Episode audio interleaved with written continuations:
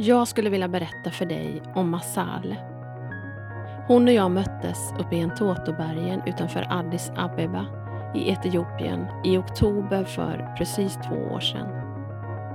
Då var Masale nio år och slav.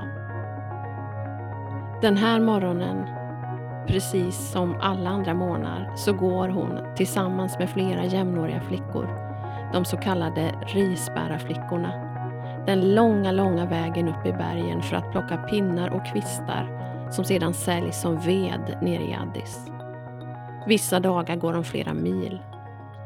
När de kommer hem på kvällen så fortsätter deras slavarbete med att sköta hem och hushåll och sina slavdrivare.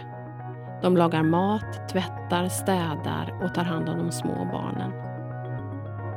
Men tack och lov så slutar inte historien om Masale och risbärarflickorna här.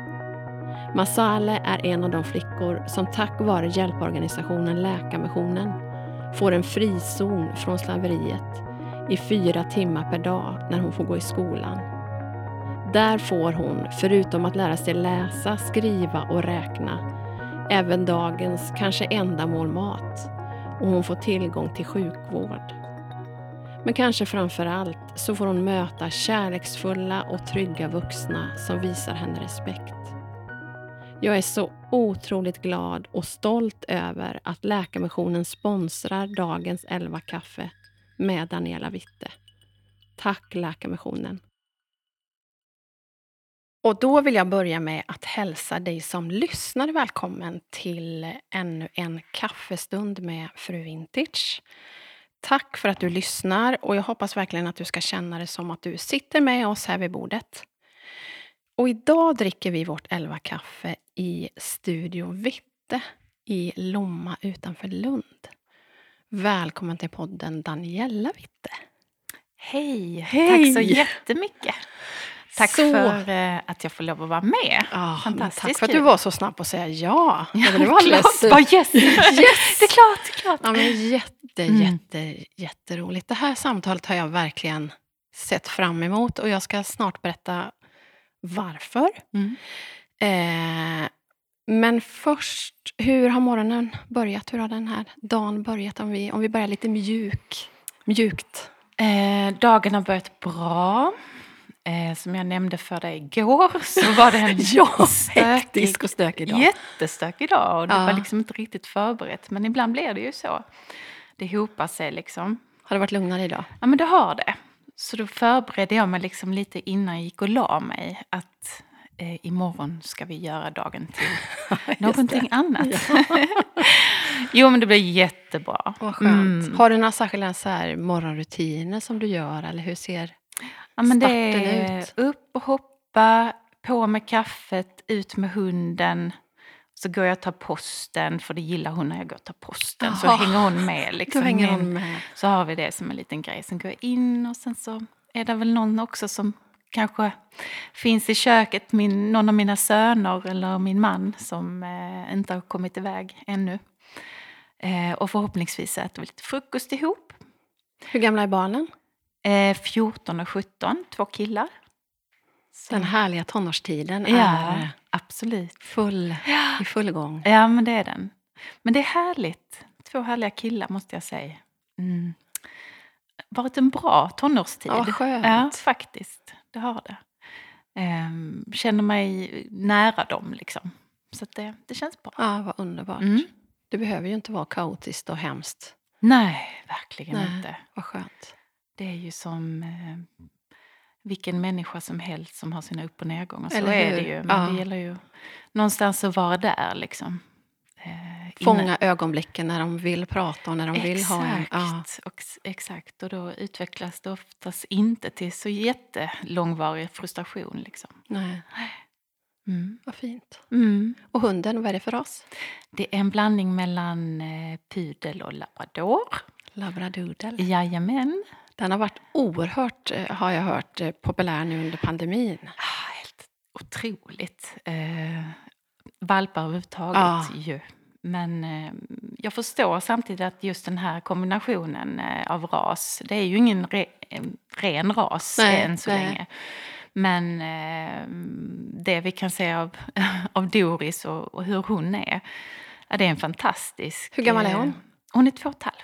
Två och ett Mm. halvt. Ja, vad mysigt. Ja, hon är fantastisk. Du, du och jag träffades ju för första gången för typ tre och ett halvt år sedan tror jag. Mm. Kommer du ihåg var? Var det på Okens? Ja, eh, Nej, nej. ja, det var det ju. ja.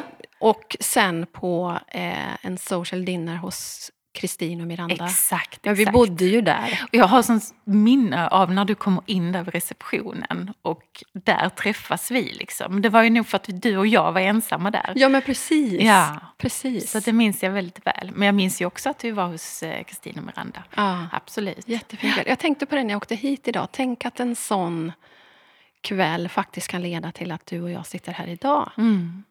Eh, Precis. vi har ju träffats på event och sådär någon gång kanske. Har vi det? Efter det? Det, har vi, det har vi säkert Ja, det gjort. har vi säkert. Jag tror det, men jag kan inte eh, komma på vart nu. Det känns, känns också som kanske ja, något enstaka efter det. Men jag har inte varit med så mycket på Nej, event nej. liksom, så efter där. Så. Eller jag väljer i alla fall ut mina Ja, event Ja. eh, lite mer noggrant kanske. jag Så det fattar. är därför. Men då minns jag i alla fall att jag... Jag fick ett sånt väldigt gott intryck av dig. Eh, jag tyckte redan då att du verkade vara en sån varm och härlig och inkluderande person. Och det är mycket därför som jag sitter här idag. Jag tänker såklart att vi ska prata om ditt jobb och du har ju, jobbar ju med företag och kunder som många bara skulle drömma om, tunga namn. Men det är inte riktigt därför som jag är här. Jag ska berätta mer om det. Mm. Men jag minns den kvällen att jag tyckte att du var så inkluderande och moderlig på något sätt. Har du hört det förut? Att du har en moderlig personlighet. Kanske, kanske. Kan du känna igen dig i den? Jo, men det kan jag. Det kan jag. Ja, Mm. Det är ju... Jag tar det som en komplimang. ja det är det verkligen. Den finaste man kan få skulle jag säga. Ja, ja. För moderskapet är väl det finaste ja, som finns. Ja, men det är det ju. Det är ju det som är någonstans... Själva ursprunget. Exakt. Mm. Mm. Det svåraste och det finaste. Ja, och det är någonstans i alla fall jag känner mig mest driven av egentligen. Ja, ja men det utstrålar Mm. du verkligen. Mm. Vi ska prata mer om det och jag ska utveckla mina tankar. Men för att för den som inte känner dig, man kan läsa på din hemsida att du jobbar som inredningsdesigner, konceptstylist. Berätta för den som inte har en aning, som inte är i vår värld. Vad, vad är det du gör? Eh, min profession handlar ju mycket om att ta fram Eh, i, i slutet av processen ta fram en bild eller bygga upp en bild tillsammans eh, med, eller i kombination med olika material, texturer ehm, som andas någonting som min kund liksom, som får min kund att lyfta. Mm. Så det är ju, handlar ju mycket om det. Ehm, och det handlar ju i slutändan om att kunden ska sälja mer grejer. Precis. Det är den krassa sanningen. ja, det är ju så.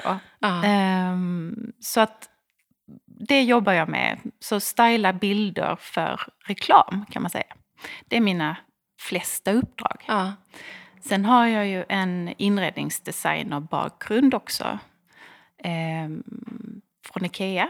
Har jobbat där i många år innan jag startade eget. Utbildad där också. Ja, Ja. det är jag. Så jag var anställd där i 12 år. Mm. Så jag har jobbat både med sälj och som inredare. Då. Ehm, och då får man mycket som sitter i ryggraden eller i det. ryggmärgen. Mm. Liksom, eh, som man egentligen inte vet om att man har men som man förstår att man har när man kommer ut och ska stå på egna ben. Ehm, så att inredningsdesignbiten har jag ju också. Så det innebär ju att jag gör eh, både privata hem och kontor och lite så företagsuppdrag. De är inte lika många som mina stylistuppdrag men eh, de finns där och de blir lite fler ändå nu tycker jag. Och hur länge har du kört ditt eget? Eh, sedan 2009. Oj, Mm. det är ju länge. Det är länge, ja. Men sen ska jag tillägga att jag, när jag började att säga upp mig från Ikea så började jag med en liten butik. Eh, och den hade jag vägg i vägg här där vi sitter. Ehm, och det var ett sätt att liksom ha någonting att ta på och under tiden bygga upp de här eh, uppdragen som jag drömde om. Ja, liksom. Ja. Och eh, under tiden så började jag blogga där och det var allt, när allting körde igång så att säga. Ehm, så det var ju en väldigt så här passion, alltså passion till det man gör-tid. jag var helt förälskad, nyförälskad i liksom eh, i mitt steg att ta eh, i att stå på egna ben. Ja. Och, och vilken värld som fanns utanför Ikea. Lite så. Alltså gud, hur mycket möjligheter som helst. Kan man göra så här?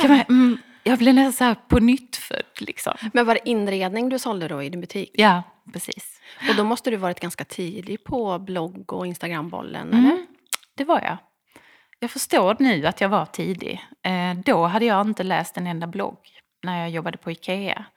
Men så träffade jag en gäng tjejer eh, som finns kvar i, i liksom sfären fortfarande.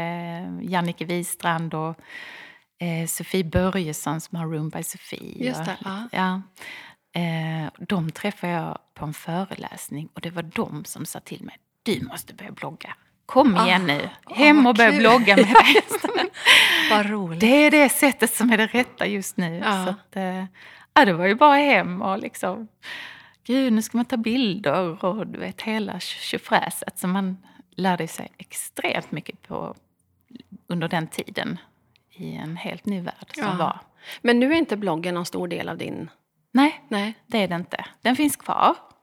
Och den finns kvar för att jag känner att det är rätt så nice att kunna dela någonting någon gång. Och um, jag står nog lite i en... Um, vad ska jag säga? Jag står lite på väg åt ett annat håll. Och då vill jag inte släppa bloggen än. Nej. Eller, jag känner att jag har den på min egen plattform. Där kan den få ligga. Och sen kan jag använda den i framtiden om jag vill, tänker jag. Just det. Ja. Och då har jag ju nailat dig precis. För det är exakt därför som jag ville träffa dig idag. Mm. Därför att dels så tycker jag att du verkar vara en så spännande person. Och jag gillar din personlighet, det lilla vi har mötts. Men sen känns det också som att du lever lite i en förändring. Eh, som gör mig väldigt nyfiken.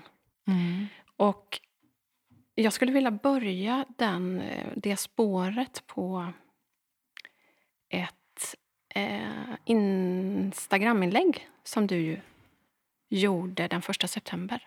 Mm. Vi se om du kommer ihåg. Mm. Nu rullar livet på lite snabbare för de flesta.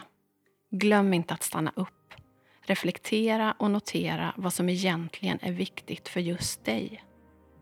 Mina bilder nu för tiden speglar vad jag kreativt andas och känner, fyller mitt inre med goda energier. Förr var det mer vad jag trodde förväntades av mig, vilket grävde min egen grav in i utmattning.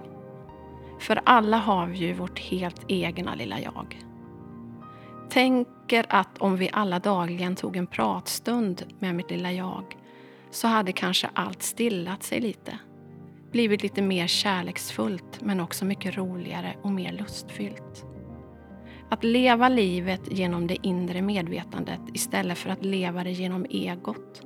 Alltså det som vi tror gör oss lyckliga och framgångsrika men som till priset av det som kanske egentligen bara gör oss till ganska osköna personligheter.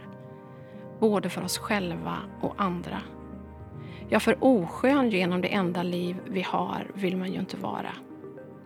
Tio minuter dagligen i stillhet med sig själv och sin andning gör på sikt susen för ett härligare lo- jag. Lovar och så ett vitt hjärta. Det finns ju många delar här som, som jag skulle vilja prata med dig om och som jag tycker är så intressant.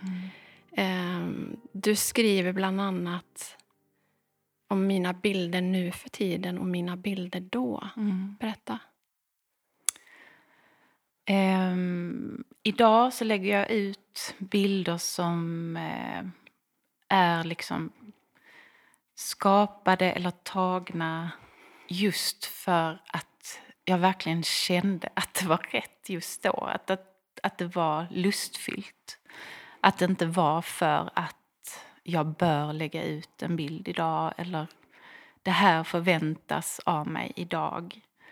Um, det här bör jag lägga ut för att prestera, kanske. För att det ska gynna min eh, framgång här mm. som inredningsdesigner eller stylist. Um, och det som... Ja, nej men att det, det känns rotat liksom. Att eh, jag vet varför jag la ut den. Och att det någonstans betyder något även när jag går tillbaka och tittar. Att ja, men det var ju den jag gjorde då för det och sådär. Ingenting som pressas fram, ingenting som ska krystas fram. För Hur har du kommit till den insikten?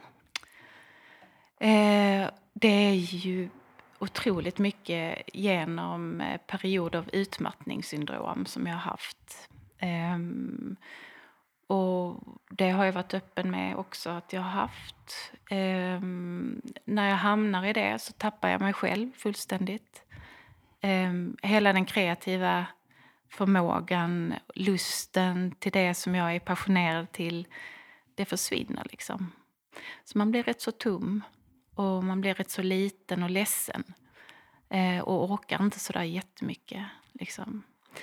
Och den är ju väldigt sorglig när, när den kommer eh, och den, de gånger den har varit svår, så att säga. Eh, så utifrån det har jag försökt att hitta verktyg till att jag inte ska hamna där. Och då är en sak att inte göra saker som förväntas av mig rent prestationsmässigt så, som handlar om mitt jobb. Sen mm. måste jag göra andra saker såklart som är, är måsten. Liksom, så. Men eh, man kan ju välja där också lite. Verkligen. Alltså, Mer än vad vi ja. kanske vill se. Precis. Men då handlar det ju också om att man är en stund med sig själv mm. och lyssnar inåt och känner av liksom vad, vad är bra idag för mig. Men var det så att du kom till en punkt där allt brakade eller, eller hur såg den utmattnings... Um, jo, men det har den gjort. Jag, det har varit dagar jag inte kunnat resa mig upp ur sängen. Um, uh, depression. Jag liksom är ganska high sensitive i mig själv. Och det förstärks ju då till att liksom bli too much av mm. den varan, om man mm. säger. Jag vet, jag, var, jag fick en sån riktig... Um, den värsta var nog, liksom, nu, har det, nu låter det som jag har haft 20 stycken, men det har jag inte. Men typ tre gånger i mitt liv, eller under de närmsta tio åren som har varit, så har det varit liksom för mycket för att eh, hämta tillbaka på en vecka. Utan då har jag varit tvungen att liksom ta paus så, i ett par månader minst. Men eh, då kan det vara liksom att ja, men då blir man så nedbruten på något vis att man tar ju in all olycka i världen. Mm. Och man tar in det så hårt på något vis. Det var ju som, det hände en sån tragisk eh, tragedi i en familj här i Bjärred för några år sedan. Där eh, hela familjen dog. Otroligt hemskt alltihopa. Men den levde kvar i mig så länge. Hela den händelsen. Jag mådde så fruktansvärt dåligt av den. Och då var jag inne i en sån att jag var ju så otroligt sårbar för vad som händer runt omkring ja. och i omgivningen. Så. så det är väl mitt dilemma. Då kan jag liksom vakna på nätterna och känna med de personerna som är anhöriga då till de här det låter inte klokt. Men det... Nej, men jag fattar precis. Ja. Och jag tänker att det, det är väl det som är våran många gånger styrka, men som också blir svagheten då mm. för kreativa människor. Mm. Att vi är så high sensitive, som du säger, att man känner in och man... Det är ju, det är ju styrkan på många sätt, mm. men det blir ju en plåga i mm. perioder då när det när man inte mår bra. Precis. Men kan du se nu i efterhand om det är samma sak som har liksom triggat och gjort det där sista, att du, att du liksom har fallit igenom? Jo, men det är det. Och det är ju liksom när jag eh, går in i prestation. Till exempel nu förra veckan så var jag inne i ett större jobb. Så vi var igång hela veckan. Det är jättekul. Men nu i helgen liksom så bara känner jag hur, hur det ändå har brutit ner mig. Och jag, är ju så, jag vet ju om att längre, en två veckors liksom intensiv jobbfas eh, tror jag inte att jag hade klarat av idag. Eh, på det viset. Då hade jag behövt liksom återhämtningsdagar däremellan eller så. Så man har ju man har ju dragit ner på den där övre gränsen om man säger. Har du blivit bättre på att ta de där andningspauserna mm. emellan? Jättemycket bättre. Jättemycket. Och jag vet ju om vad jag laddar energi, energi nu. Så ehm, eh, det är de här andningspauserna men sen också vara ute i naturen. För den ger ju så mycket mer energi och ah. kraft. Eh, man kanske inte tror det om man inte har liksom, eh, testat det men att bara vara ute i skogen, liksom, mm. det är... Det tror ju jag. Ja. Min personliga övertygelse är ju att det är nedlagt i oss. Mm. Att det är där vi, vi, mm. det är tänkt att vi ska hämta mm. kraften och styrkan liksom i, i skapelsen på något ja, sätt. Precis. Och det händer ju mycket i skogen också. Där är mycket intryck man kan ta in och så. Men det är precis som att det är precis den nivån på stimulans som eh, vi egentligen är ämnade för. Mm. Vi ska kanske inte ha mer stimulans och mer intryck än så nej, egentligen. Nej. Om vi ska leva liksom ett väl, ja. välbalanserat eh, inre liv. Liksom. Ja tror jag. Ja. Mm. Vi är ju 70-talister, både du och jag Såga, ja. Eh, även om jag är några år äldre än dig. Men jag tänker, jag tänker väldigt, väldigt mycket på alltså generationerna som kommer efter oss. Unga tjejer, ofta småbarnsmammor som kanske är i den där början av karriären inom mm. citationstecken mm. som både du och jag har gjort. Vad skulle du säga till den 25-åriga Daniela? Åh gud, jag hade... Ja, det är ju mycket man skulle vilja säga. Men framför allt... Um, ja, men det är ju liksom... Jag önskar att jag hade kunnat få lite verktyg. Att det hade funnits någon liten mentor vid sidan om Exakt. mig som kunde ge mig dem. Det hade jag önskat. För mig har det handlat mycket om att jag ska klara det här själv. Jag ska liksom... Eh, jag ska klara av allt själv. Jag ska liksom eh, mycket göra själv.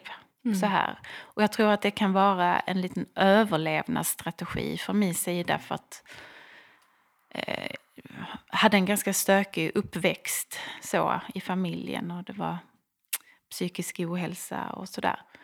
Eh, och då bröt jag ju mig ut liksom, när jag flyttade hemifrån och hade någon slags superpower i att jag ska klara mig själv. Ja. Jag ska ge mina barn, mina kommande barn en trygg uppväxt och liksom så.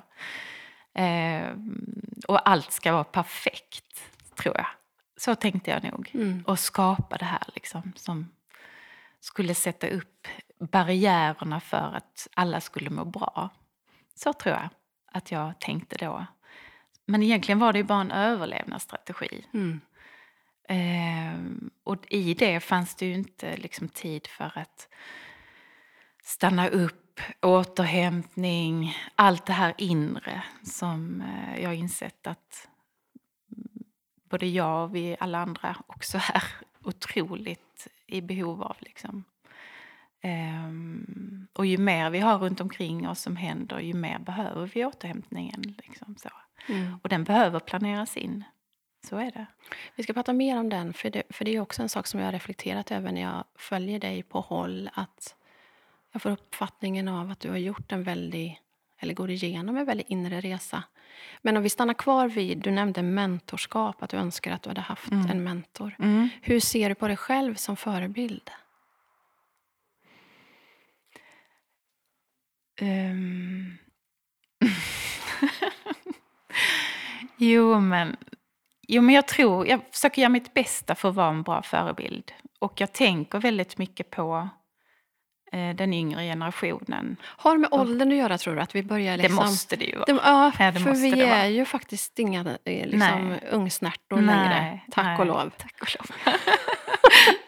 Nej men precis. Det känns ju gött ändå Det att känns vara ju äldre. Liksom. Och samtidigt, som du är inne på, en, en sån... Alltså jag, jag kan få så ont i hjärtat ibland när jag ser, inte minst på Instagram, om man möter unga mammor som jag var inne på. ehm, och man skulle så gärna vilja hjälpa dem Mm. att, att bromsa, att inte hamna i det där duktig flicka-syndromet. och, och mycket också idag som, som handlar om att allt ska dokumenteras. Allt man gör, allt man gör med sina barn. Allt, man bygger upp någon slags luftslott. Mm, mm. Eh, Precis så är det ju. vad ska vi säga till dem, tycker du?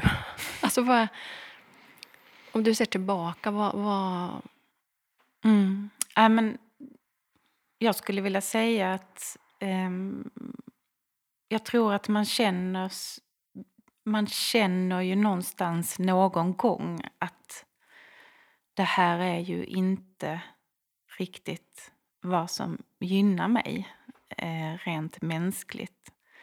Att lyssna på de inre signalerna, Mm, mm. att göra det i god tid.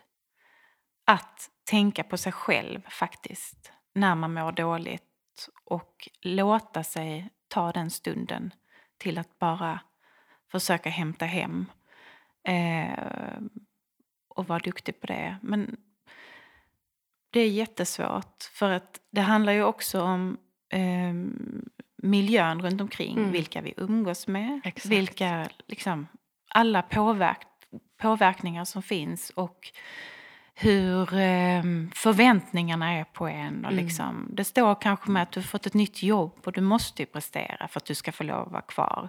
För samhället är ju uppbyggt på det viset. Eh, så det är jättesvårt. Det är jättesvårt. Så jag känner liksom, jag önskar bara liksom att vi kunde implementera bra metoder på arbetsplatserna till exempel. Så att vi där, vi ägnar ju ändå åtta timmar om dagen Ja. liksom, på en arbetsplats. Det är ju vårt andra hem kan man säga. Och det människor som är där påverkar oss väldigt mycket. Eh, och hur hela företagskulturen är och de värderingar som finns där. Så egentligen ehm, tror jag ju mycket på att ehm, titta på värderingar. Vad är mina värderingar? Exakt. och jämföra dem lite med företagets värderingar, värderingar till exempel. Eller de man umgås med. Stämmer det överens med mig? Mm, Så, mm. ärlighetens namn liksom. Mm. Så att ehm, det handlar ju, handlar ju mycket bara om att gå in i sig själv. Men det är inte så himla enkelt. Nej, det är inte det. När I den vi här inte- snabba världen vi lever i. Nej, det är jätte, jättesvårt. Ja. Men återigen så handlar det ju tyvärr, eller på att säga, eh, om att vi faktiskt väljer mer än, än vad vi vill se eller Mm. kanske tror. Precis som du är inne på, välja vilka man har runt omkring sig. Är det människor som bygger en, som, som vill leva den typen av liv? För det tänker jag med. Mm. Att faktiskt reflektera över vilket liv vill jag leva? Mm. Och om man har familj, vilket liv vill vi leva? Mm, precis. Det är så lätt att bara dras med. Där tror jag i och för sig att pandemin har gjort någonting med oss. Mm. Absolut. Ja, måtte vi bara hålla kvar det där som, Mm. som faktiskt har varit hälsosamt i att dra ner på tempot. Och, Mm, mm, precis. Och det är också så lätt att, för min del tycker jag det har varit ganska skönt med pandemin. Eh, utan att då titta på de negativa effekterna eh, där folk dör och så. Men eh, effekten av det tycker jag har varit bra. Eh, och det tror jag någonstans ändå det har varit för de ja, flesta. det tror jag med. Eh, faktiskt. Och det får en också att inse vem man är. Liksom. Och det är återigen för att säga till 25-åringen då. Ja, men är jag en person som laddar energi genom andra människor? Är jag, är jag den extroverta typen? Eller är jag kanske den introverta typen som faktiskt behöver vara med mig själv endast för att ladda energi? Jag kanske älskar att umgås med folk, men jag laddar kanske bäst energi genom att vara med mig själv. Och det där är ju också så himla olika. Mm, verkligen. Ehm, så att det är lätt att det extroverta tar över. Ja. Att vi alltid ska vara så sociala och liksom att det är det som är det rätta. Och man är konstig lite där att nej, jag vill inte hänga ikväll. Liksom. Jag, jag behöver vara själv den här helgen. Det, det blir ju lätt lite negativ klang i det. Ja, precis. Men i, i själva verket så är det ju oerhört positivt. Eh, för den man kommer ut som människa efter den helgen, den är ju liksom eh, fylld av god energi. Ja, Och man kan ju ge andra en massa god energi också. verkligen. Efter de dagarna man har fått för sig själv. Ja. Mm. Har du landat i det, att det är så du tankar? Mm. Det är det. Absolut.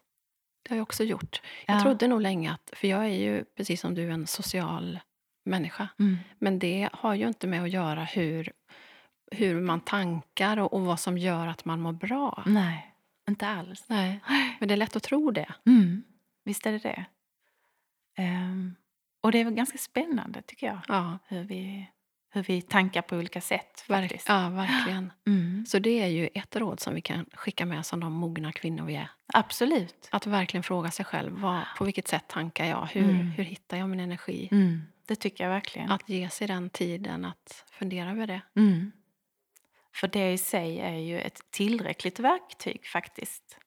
För att ändå eh, klara av ehm, den hektiska vardagen eller när det krävs mycket av en. Mm. Då vet man ju någonstans var man ska be befinna sig för att tanka hem. Så. Ja. Mm. Och någonstans är det ju inte ett race vi springer utan det, vi, vi ska ju hålla en hel livstid. Mm. Mm. Precis. Och hur ska man, vi pratar mycket om, om hållbarhet och, och hållbarhet utifrån konsumtion och så men, men jag tycker nog att vi skulle prata ännu mer om social hållbarhet och livsstilshållbarhet. Mm. Alltså hur Mm. lever vi våra liv Mm. så att vi in, så att vi liksom håller ett helt liv och inte kastar oss över mållinjen och flämtandes är ju knappt vid livet Nej, men på något sätt om du fattar vad jag menar. Absolut.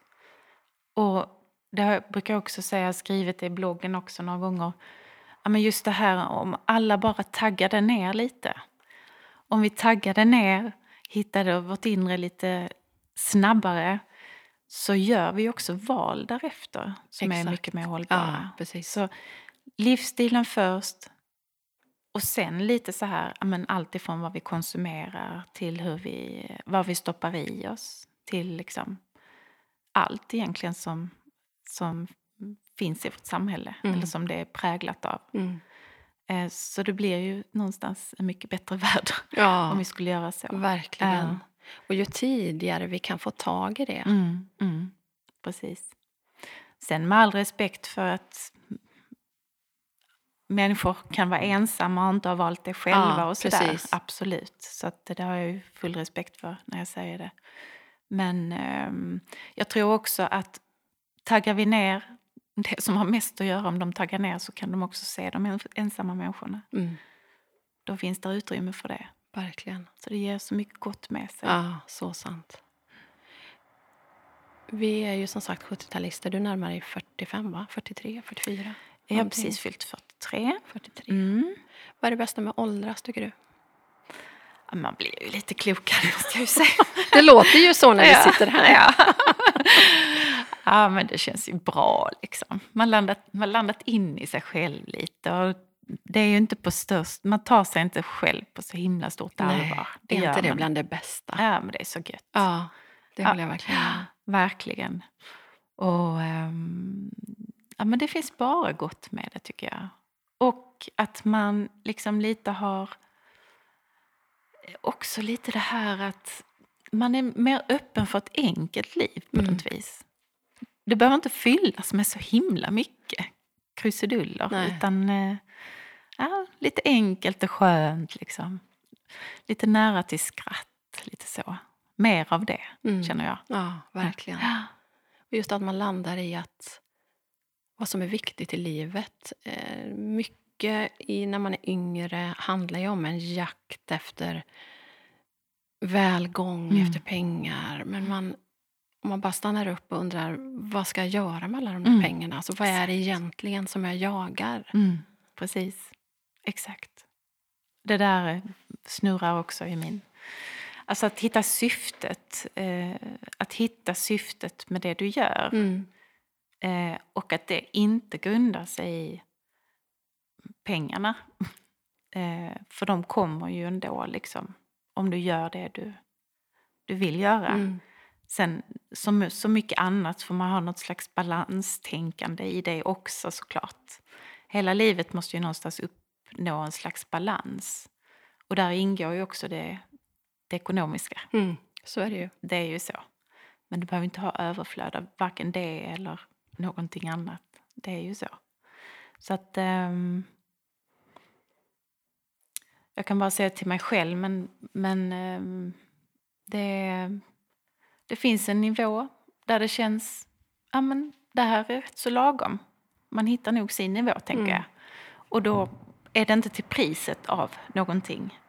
Um, jag tror att skulle jag bara kämpa efter att ha eh, göra miljonomsättningar, liksom fler miljoners omsättningar för min del så hade det ju varit till priset av att jag inte hade varit den människan som jag ville vara. Mm. Då hade jag ju tappat mig själv fullständigt. Ehm, Så att, eh, mm. där finns ju alltid ett pris. Det gör ju det. jag. Ja, Mm. verkligen. Det som i så fall kan driva mig att tjäna de där pengarna är ju att man har en möjlighet att, att hjälpa andra. Att, eh, att ge vidare. Precis. Men att drivas av att fylla sina egna lador, mm. det, det blir ju ganska meningslöst. Ja, men det blir det. För det, du, det fyller ju inte det där tomrummet i alla fall. Nej. Alltså, du blir ju inte lyckligare för att du har mer pengar. Det har vi ju alldeles för stora bevis på Absolut. i men världen. Visst, så är det. Och ehm, sen är det ju fantastiskt att kunna, eh, som du säger, man kan ge andra människor någonting som man själv skapar. Och då behövs pengar. Precis, ja. Det är ju jättenice. ja. Ehm, så att skapandet, att investera rakt in i skapandet som blir någonting som flera kan ta del av. Det är ju nice tycker jag. ja. Då är du inne på ett spår, som, en fråga som jag hade till dig. Vad, vad skulle du vilja bli ihågkommen för?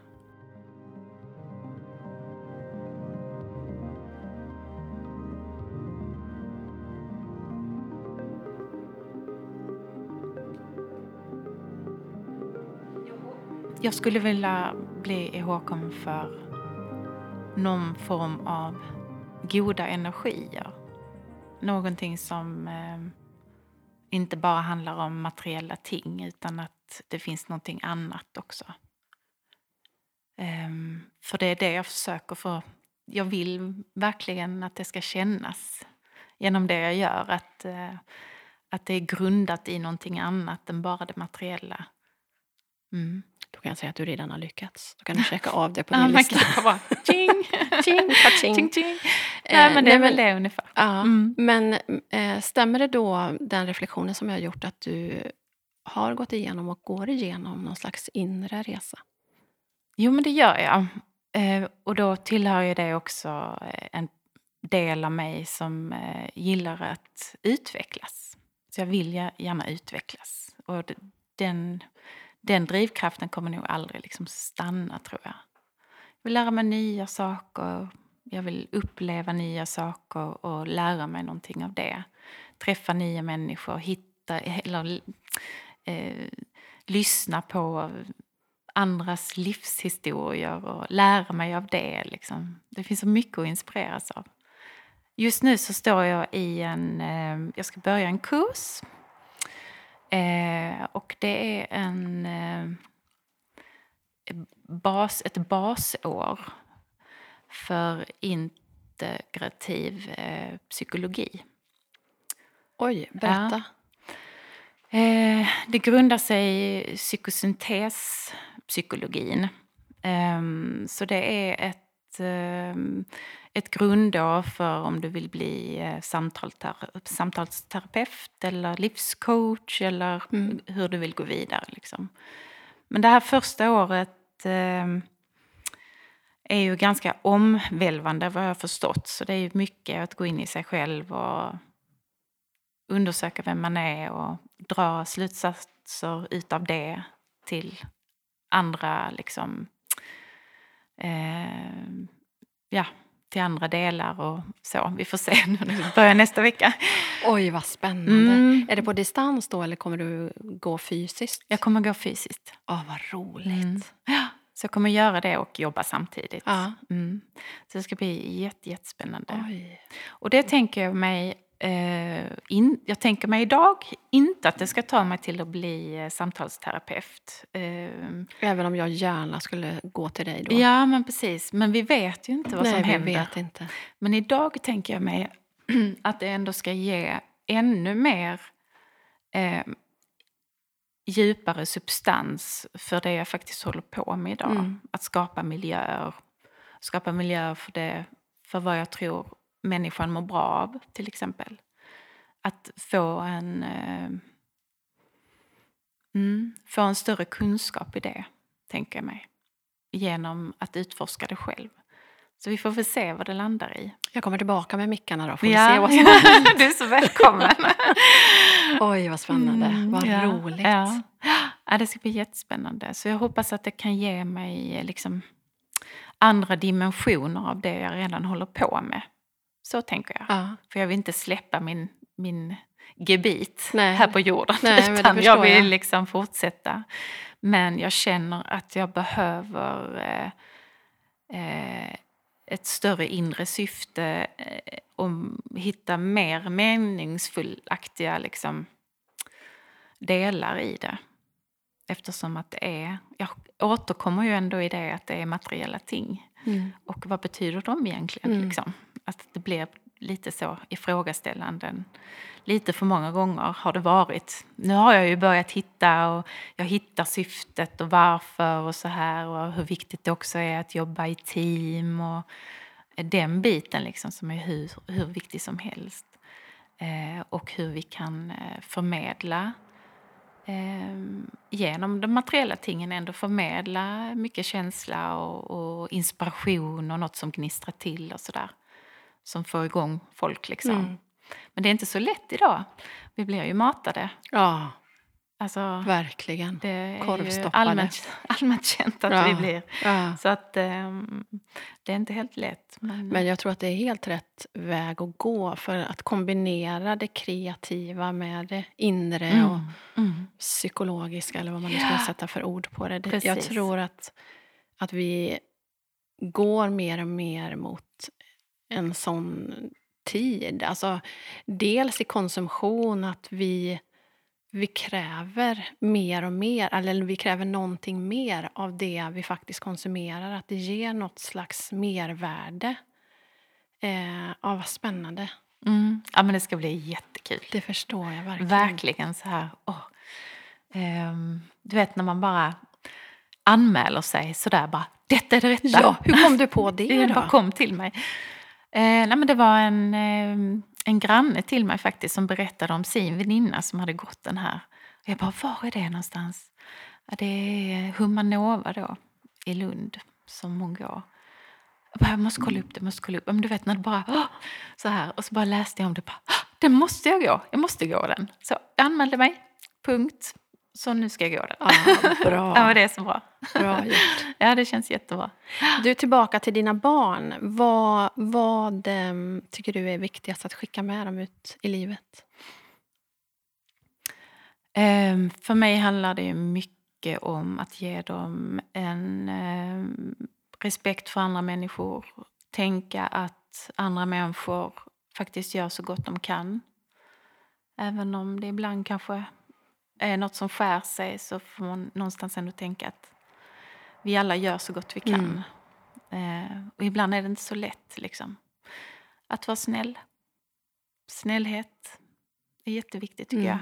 jag. Mm. Jag håller verkligen med dig där, för det har jag också, eller vi också försökt skicka med våra barn. Just det här att, att det oftast finns en anledning till att människor reagerar på ett speciellt sätt eller gör saker. Att inte, att inte bara döma, utan faktiskt ta sig tiden och se bakom en människa Mm. och tänka sig, finns det någon, som den har gått igenom som gör att den reagerar så här. Mm. Mm, det tror jag är så viktigt att få med den här medkänslan. Ja, precis. Och lära sig liksom den... ehm, när man ser någonting på håll som är utåtagerande. kan ju vara en klasskamrat som är bara störig. Liksom. Och det är det störiga man ser. Men Mm. att då liksom ta nästa steg i tanken att okej, men det finns en anledning till Mm. att den personen är så störig. Mm. Verkligen. Det kanske inte är så himla lätt Nej. för den personen. Precis. Så att ehm, där finns ju mycket sånt som man kan ge sina barn. Som gör att de också får ett litet försprång eh, in i vuxenvärlden. Att redan i skolåldern börja tänka så. Absolut. Ehm, att, ehm, Är det något särskilt du tänker på eh, just för att de är pojkar? Ja men såklart är det ju, handlar det ju också om att ha en eh, respektfull syn på tjejer och, och just det här att kunna ta ett nej och allt det här. Som, Pratar de om sånt i skolan? Får du någon känsla av det? Att, att det... Ja men det tycker jag. Jag tycker de har gått igenom det och de har liksom tjej och killsnack Mm. mycket redan på mellanstadiet hade de det. Ja, nu, har vi haft nu har vi haft killsnack idag igen. Så, lite Ja, så. bra. Och då drar de killsnacket liksom. Och hur det kan vara och vilka, vilka situationer en kille kan råka ut för och hur, hur man ska tänka då. Så, så jag måste säga att ja, skolan har varit jättebra. Vad Mm, bra. det har varit jättebra. Eh, sen kan man ju alltid påminna. Eh, det måste man ju göra. Mm. Påminna Mm. och prata om och att det liksom är, är en del av det naturliga vi pratar om. så. Ehm, ja, men människor i stort, liksom, att ha full respekt. Och, eh, men ändå stå upp för sig själv Ja, såklart. ja. Mm. Mm. Där finns ju mycket. Man, men jag tror ju... f- jag, jag känner så, ha, försöka få liksom, en halvtimme om dagen med sina barn som är liksom en kvart till en halvtimme. Det kan ge jättemycket. Och bara, diskutera, bara prata lite om dagen som har varit. Och då kommer man oftast in på de här grejerna naturligt. Ja, verkligen. Och då är det inte att vi sitter ner nu för vi ska prata om hur du ska bete Nej, dig mot tjejer. Nej. Det är kanske inte någon bra strategi. Nej, det är inte så himla bra. Nej. Så att, nej. Men ha en tät dialog med barnen, det, det ger ju otroligt mycket. Ja. Och så viktigt att odla det Mm, alltså hela vägen för att kunna ha den där djupa relationen när de blir vuxna. exakt, precis. För de kommer alltid vara mina pojkar, mina barn. Och de kommer alltid behöva vara små, Exakt. oavsett hur gamla de Ja, är. så är det verkligen. Mm. Det hade jag nog inte riktigt. eh, Jag hade nog tänkt att ja, men de, de, man har dem som sina barn mellan de här åren. Men tro mig, de, de är en små barn hela livet. Ja, Det blir bara andra utmaningar och Ja. andra... Men det är fantastiskt att få följa dem. Ja, men det är det. Och just att bygga den här nära relationen så att man faktiskt får vara med Ja. i deras liv. Det är en Ja. ynnest. Det är ju drömmen Ja. liksom, på något vis. Ja, men verkligen. verkligen. Mm. Du, kära vän. Eh, vi hade kunnat sitta här i timmar och vi ska Mm. fortsätta när vi har stängt av mickarna. Men jag vill tacka dig för eh, den här stunden. Tack tusen, tusen mycket. tack för att jag fick komma hit och tack för allt som du har delat som jag tror kommer att bli redskap för den som lyssnar. Mm. Jag hoppas det. Ja, Och sprida, fortsätta sprida det budskapet. mm. Tack för den du är i en hård bransch. Fortsätt vara det modershjärtat som du verkligen utstrålar. Det tar jag till mig. Mm. Tack så hemskt mycket Marlene. Tack. Vad roligt att få vara med. Ja, kul att, att du ville. Tack så jättemycket till dig som har lyssnat. Hej då! Läkarmissionen är en hjälporganisation som jag har väldigt stort förtroende för eftersom jag har jobbat för dem och sett organisationen inifrån. Att de dessutom har funnits sedan 50-talet det ger såklart ännu mer tyngd till min och många andras respekt. Läkarmissionen är en biståndsorganisation som arbetar med långsiktiga hjälpinsatser inom social omsorg, utbildning och självförsörjning. Man gör även akuta humanitära insatser. till största del med hjälp av gåvor från svenska privatpersoner. Och en av de delar som jag gillar bäst med Läkarmissionen är att man fokuserar många av sina samarbeten med partners runt om i världen på att förbättra förutsättningarna för kvinnor och barn. Genom olika insatser, bland annat på utbildning och möjlighet till mikroföretagande för att kunna försörja sig, så ökar man möjligheten för kvinnor att förstå sin omvärld och göra sig själv förstådd.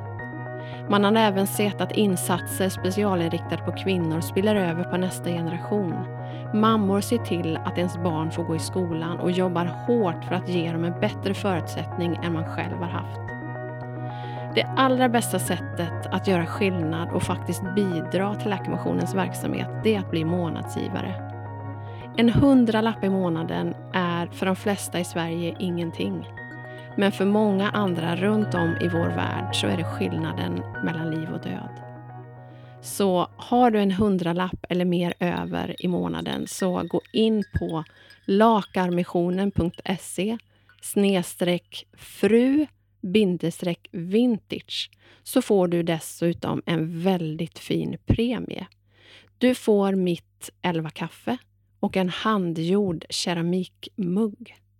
Så gå in idag. Tack Läkarmissionen för att ni har varit med och sponsrat det här avsnittet.